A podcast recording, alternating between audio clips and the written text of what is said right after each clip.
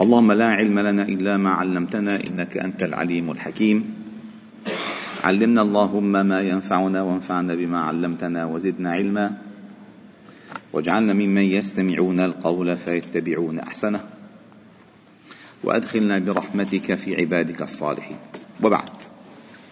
فلا نزال معكم أيها الأحباب الكرام في مجالس القرآن ضمن دروس قرآن الفجر. ولا نزال في آيات النفقة في سورة البقرة. وقد أخذت حيزا ليس قصيرا بل آياتهم وآيات هذه هذا الموضوع طويلة.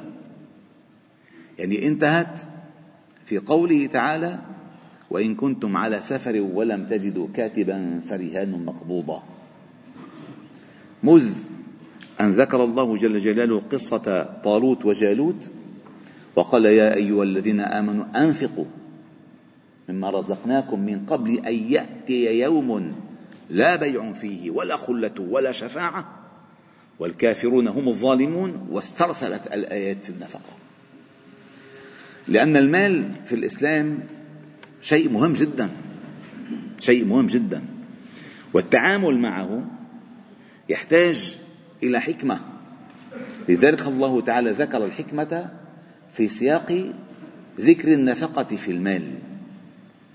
فبعد أن قال يا أيها الذين آمنوا أنفقوا من طيبات ما كسبتم ومما أخرجنا لكم من الأرض ولا تيمموا الخبيث منه تنفقون ولستم بآخذيه إلا أن تغمضوا فيه. واعلموا أن الله غني حميد. وتلاحظون كيف أن الله جل جلاله ينهي هذه الآيات. دائما بذكر أسمائه الحسنى. لأن أي معاملة أي معاملة مالية أو أي عبادة بدنية ما لم يرتبط القلب عند أدائها بالله الذي شرعها وبالرب الذي فرضها فإنه لن يقبل منه لا صرف ولا عدل. الأصل أن ترتبط القلوب بالذي شرع بالذي حكم بالذي أمر بالذي نهى.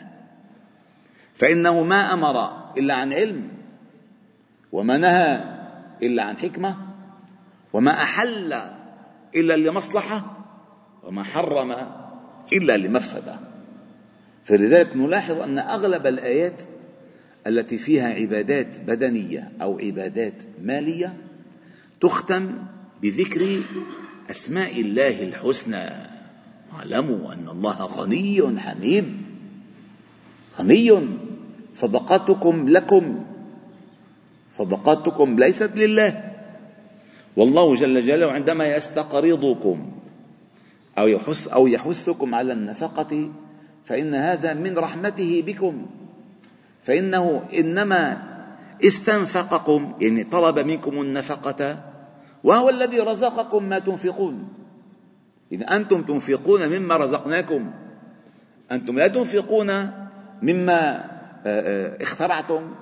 ما أنتم فيه من كل أنواع الرزق حتى العافية حتى الصحة. يعني بدك أكثر يا دكتور أكثر. أنه أنت معك مثلا 100 دولار بالجيبة إيه؟ وبدك تمد إيدك للطلعة.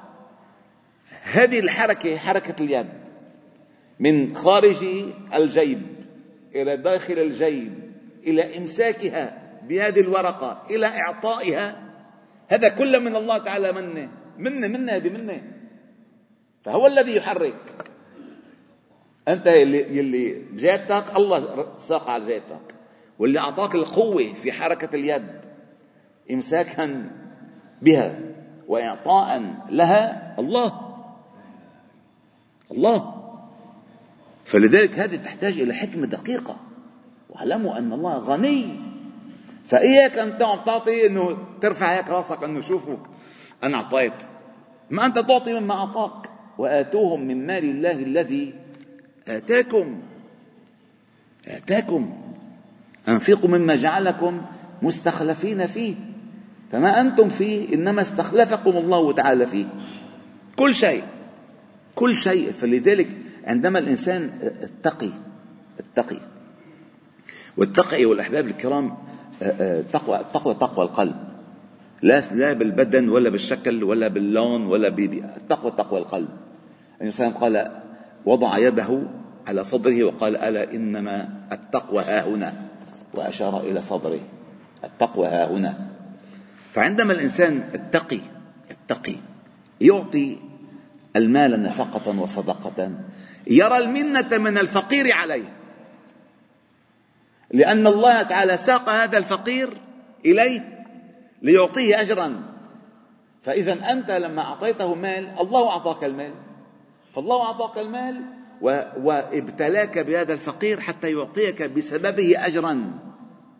فترى المنة منه عليك. وترى المنة عليك وعليه من الله. هذا معنى بقوله واعلموا أن الله غني غني.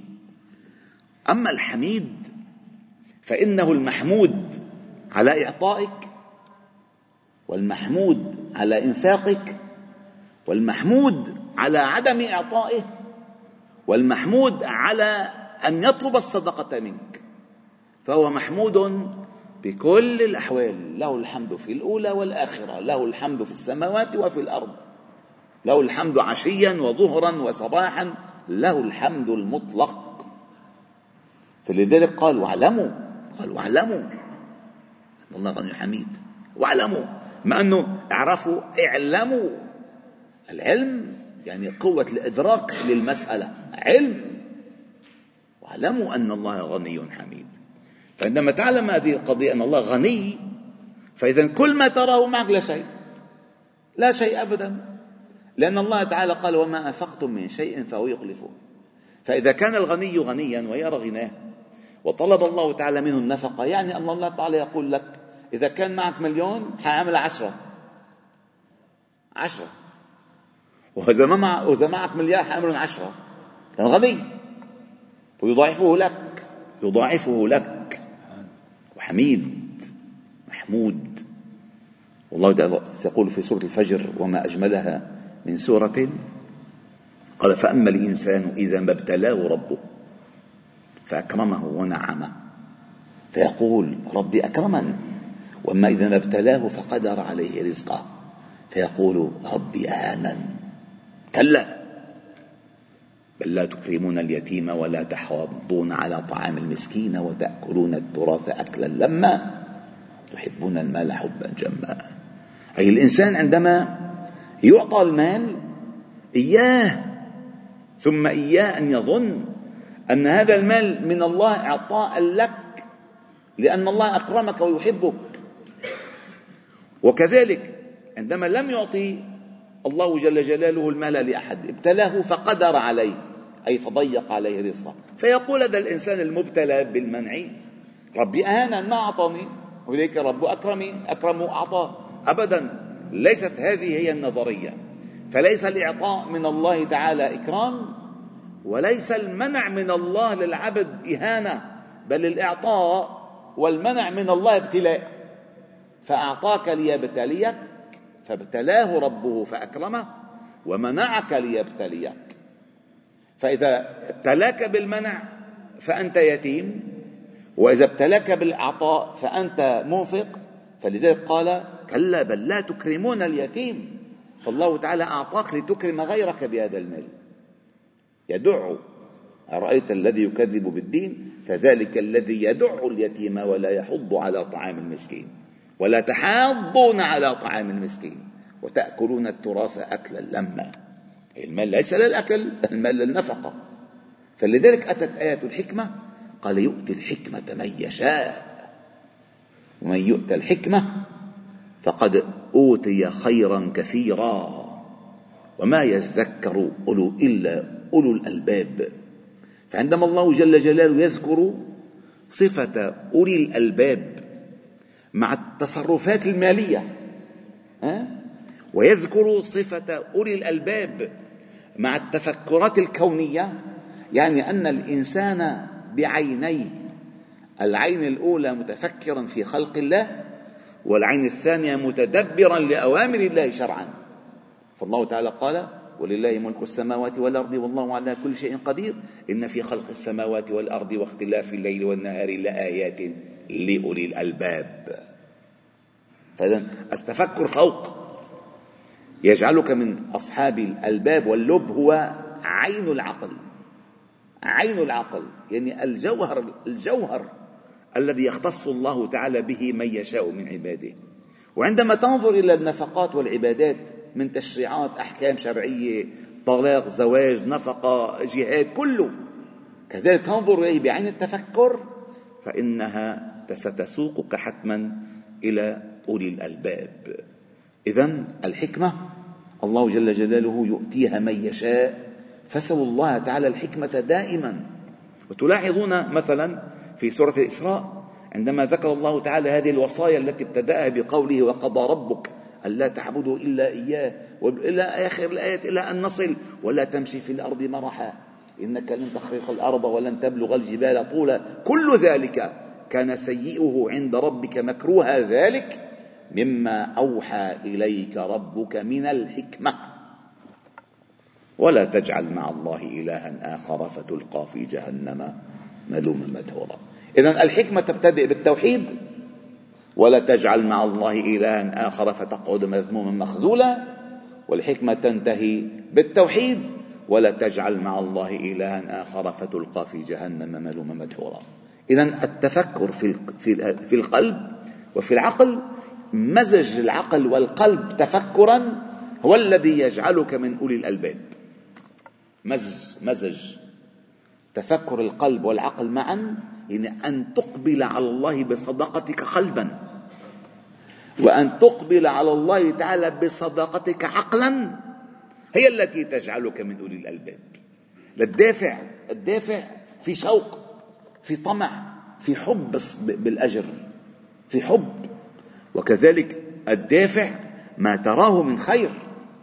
فالله سيخلفه هو الذي يجعلك من أولي الألباب. أسأل الله عز وجل لي ولكم أن يجعلنا من أولي الألباب وأن يجعلنا من أصحاب الحكمة والرشاد والسداد والصواب والحمد لله رب العالمين. سبحانك اللهم وبحمدك نشهد أن لا إله إلا أنت نستغفرك ونتوب إليك. وصل وسلم وبارك على محمد وعلى آله وأصحابه أجمعين. والحمد لله رب العالمين.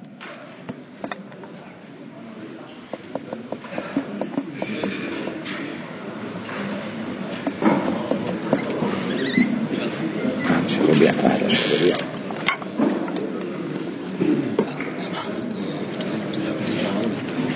بالدرس لاحظت انك بتوجع لبلد فغمات امبارح فيها تأفات عنا إنه لين تحكي عنا موضوع الشيطان وعدم لا قلتها؟ بدأت له الاخ اللي هون قلت له شو الايه اللي بعد قال لك اللي الحكمه لا لا قلتها عليكم الفقره قلتها ما ما ما عمقت ما عمقت. بس ما خلص أنا هلا ماشي. لا لا برجع لا لا طيب اذن يعني بعتقد عندك شيء كثير حلو. إيه، أهلا. الشريعة بس اللي شغلة ما علم ترد علي فيها. إيه؟ فقلنا يا آدم اسكن أنت